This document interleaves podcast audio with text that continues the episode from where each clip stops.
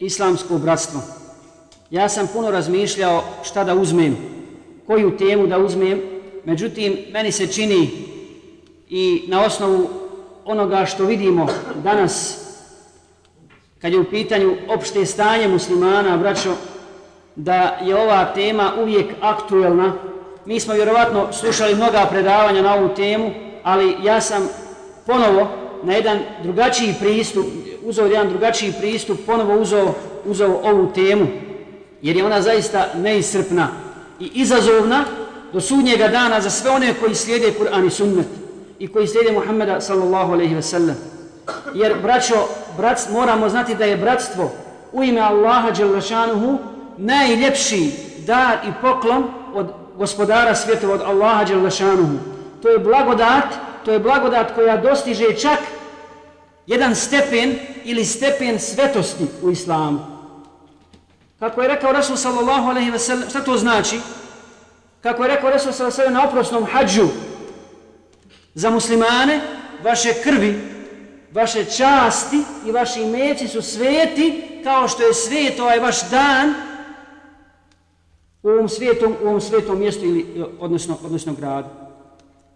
Dakle, i postoje drugi mnogobrojne predaje koje govore o tome da je čast muslimana i da je to muslimansko bratstvo svetije od Kaabe. I oskrnaviti čast muslimana gore je, kako kažu islamski učenjaci, nego srušiti Kaabu. I Allah Đelešanohu nam govori na jedan najljepši način o islamskom bratstvu. Upozoravajući preko Muhammeda sallallahu alaihi ve sellem muslimane sve generacije do sudnjega dana u kuranskom ajetu iz sura Enfal gdje kaže وَأَلَّفَ بَيْنَ قُلُوبِهِمْ لَوْ أَنْفَقْتَ مَا فِي الْأَرْضِ جَمِيعًا مَا أَلَّفْتَ بَيْنَ قُلُوبِهِمْ وَلَكِنَّ اللَّهَ أَلَّفَ بَيْنَهُ Kaže Allah Đelešanu u svome poslaniku da si ti potrošio sve što imaš u dunjalu.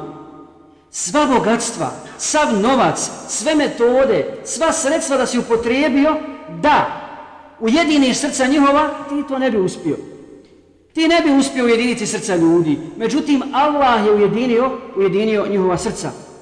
Ili, kuranski ajeti gdje Allah što kaže وَذْكُرُوا نِعْمَةَ اللَّهِ عَلَيْكُمْ إِذْ كُنْتُمْ أَعْدَاءً فَأَلَّفَ بَيْنَ قُلُوبِكُمْ فَأَصْبَحْتُمْ بِنِعْمَتِهِ إِخْوَانًا I sjetite se Allahove blagodati prema vama kada ste bili neprijatelji pa je on zbližio vaša srca, pa vas je on ujedinio i postali ste, postali ste braća. I bratstvo u ime Allaha Đelešanuhu je braćo imanska i duhovna snaga, duhovna snaga ummeta koja budi najljepša osjećanja, a mi to svi znamo, najljepša osjećanja u dubini, u dubini duše. I dakle, to su te veze koje se, ako su iskrene, ako su jake, osjećaju, osjećaju i one su produkt pozitivnih, pozitivnih kretanja među, među muslimanima. I posebno, kad je u pitanju ta pozitivnost, ogleda se u međusobnom pomaganju, pod pomaganju nesebič, nesebičnosti, samilosti, opraštanju, solidarnosti u teškim situacijama i tako dalje. Dakle, tako je bratstvo u ime Allaha Đalešanuhu neodvojivo, tako smo vidjeli iz kuranskih hajeta, od imana i on je stalni pratilac bogobojaznosti. I možemo slobodno kazati, nema islamskog bratstva bez imana. Niti ima imana bez bratstva. Niti je iman potpun bez, bez islamskog bratstva. Kao što nema prijateljstva u islamu bez bogobojaznosti, bez takvaluka. Dokaz za to, za ovo prvo, dakle dokaz da nema potpunog imana bez bratstva i obrnuto, jeste kuranski ajet i sure Huđurat. Nama smo dobro poznat, gdje Allah Đelešanu kaže innama al-mu'minuna ihwatun fa aslihu bejna mu'mini su braća. Dakle oni koji vjeruju u Allaha Đelešanuhu, oni su braća. I Allah spominje ovdje tu vezu duhovnu vezu imansku vezu koja je jača od Allaha od krvne veze. Krvna veza važi samo na dunjalu na Dunjaluku si ti meni brat ili sin ili otac i tako dalje i to prestaje kad umre sin babi njegove, njegova najbliža rodbina spušta u kabru. Gotovo. Oni koji su bili najbliži, koji su ga najviše voljeli, oni ga, oni ga zakopavaju. I s tim se zakopava svaka veza dunjalučka. Dunja. Ali, ako je bila ahiretska, i dokaz drugi da nema prijateljstva bez bogobojaznosti jeste da Allah što kaže al-ahillau yawmaidin ba'duhum al-ahillau yawmaidin ba'duhum bi ba'din adu illa al-muttaqin tada će na stoga dana na sudnjem danu prijatelji postati neprijatelji jedni drugima. Osim koga? Osim bogobojazni.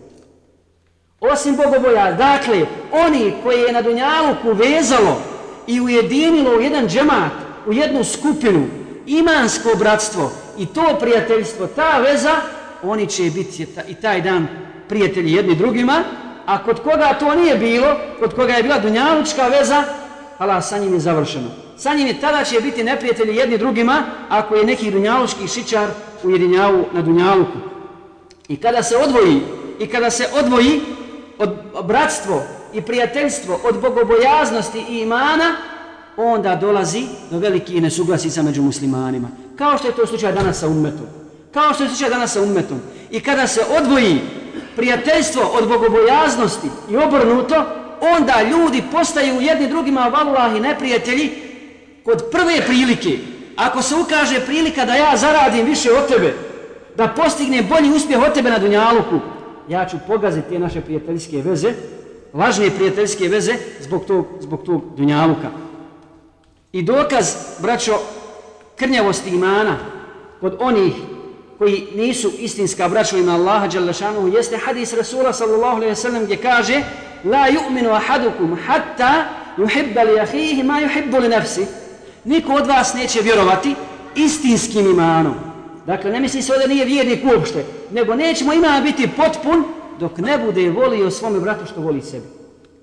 Odma pitanje za nas, hvala. Mi često puta prelazimo preko hadisa Rasula s.a.v. Pročitamo svaka riječ poslanika s.a.v. Kod istinskih vjernika imate žinu. Imate žinu, on o njoj razmišlja. Kaj poslanik sam, neće od vas niko istinski vjerovati dok ne bude bratu volio što i samom sebi. Hajmo malo pogledat sami sebi u oči. Jel kod nas tako stanje?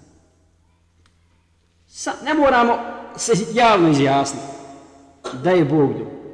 Da je Bog do, ali prije ćemo, prije ćemo dati odgovor da nije, nego, nego da jeste. Nego da jeste. Dakle, nema potpunog imana bez, bez toga. I ljudska duša koja je odgojena braća imanu i koja je pomiješana sa bogobojaznošću, kada se sretne sa sebi srodnom dušom, sa sebi sličnom, odmah su bliske. Wallahi, kad čovjek vidi, ne samo zbog brade, kad vidi muslimana i nur na njegovom licu, mi se odmah razumijemo. Nismo se nikad vidjeli, ali naše se duše razumiju. Naše se duše razumiju, vallah je to istina. To je hak. I kaže poslanik sallallahu sallam u hadisu koji bilježe Buharija i Muslim, ljudi su poput metala, poput ruda, zlata ili srebra. Oni koji su bili najbolji u džahilijetu, su najbolji i u islamu kad se pouče vjeri. Ako je čovjek bio, mi znamo za ljude koji su, kao što je bio Omer radijallahu ta'ala, bio poznat u džahilijetu po svojoj hrabrosti, po, po, po, slali, ga, slali ga mušici kao svog izaslanika u mnoga plemena, dakle je bio uvažen kod njih, mada je činio mnogi grijehe kao muž, nije znao istinu, ali kada je prihvatio istinu takav, onda su to bedeni. Onda su to ljudi istinske veličine, nosioci, nosioci akide. I zato se nas ljudi čude nogima, pa kada, uh, vidi ga, znam kakav je juče bio, i on danas da mi priča nešto. Da mi on danas govori o islamu a vallahi svaki njegov potez odiše islamu. On se odrekao svog džahilijeta, odrekao se, a ova je samo zbog svojih slabosti i zbog zavidnosti, zbog bolesti duše, neće da prizna da je on sad veličina. Neće da prizna da je on sad zaista, pra... i kaže poslanik s.a.v. u nastavku, a duše su regrutovane vojske. Regrutovane vojske. Ako, su, ako, ako se nađu sa sebi srodnim dušama, spajaju se. Ako se razumiju, spoje se. Kako? Dakle, ja vjerujem Allaha, ti vjeruješ u Allaha. Duše se spoje, gotovo. Našle su se. A ako se ne razumiju, razdvoje se. Razdvoje se. I ne može mu'min s kjafirom. Ne može da ti priča najljepše priče. Da te potkupljuje ne znam čime.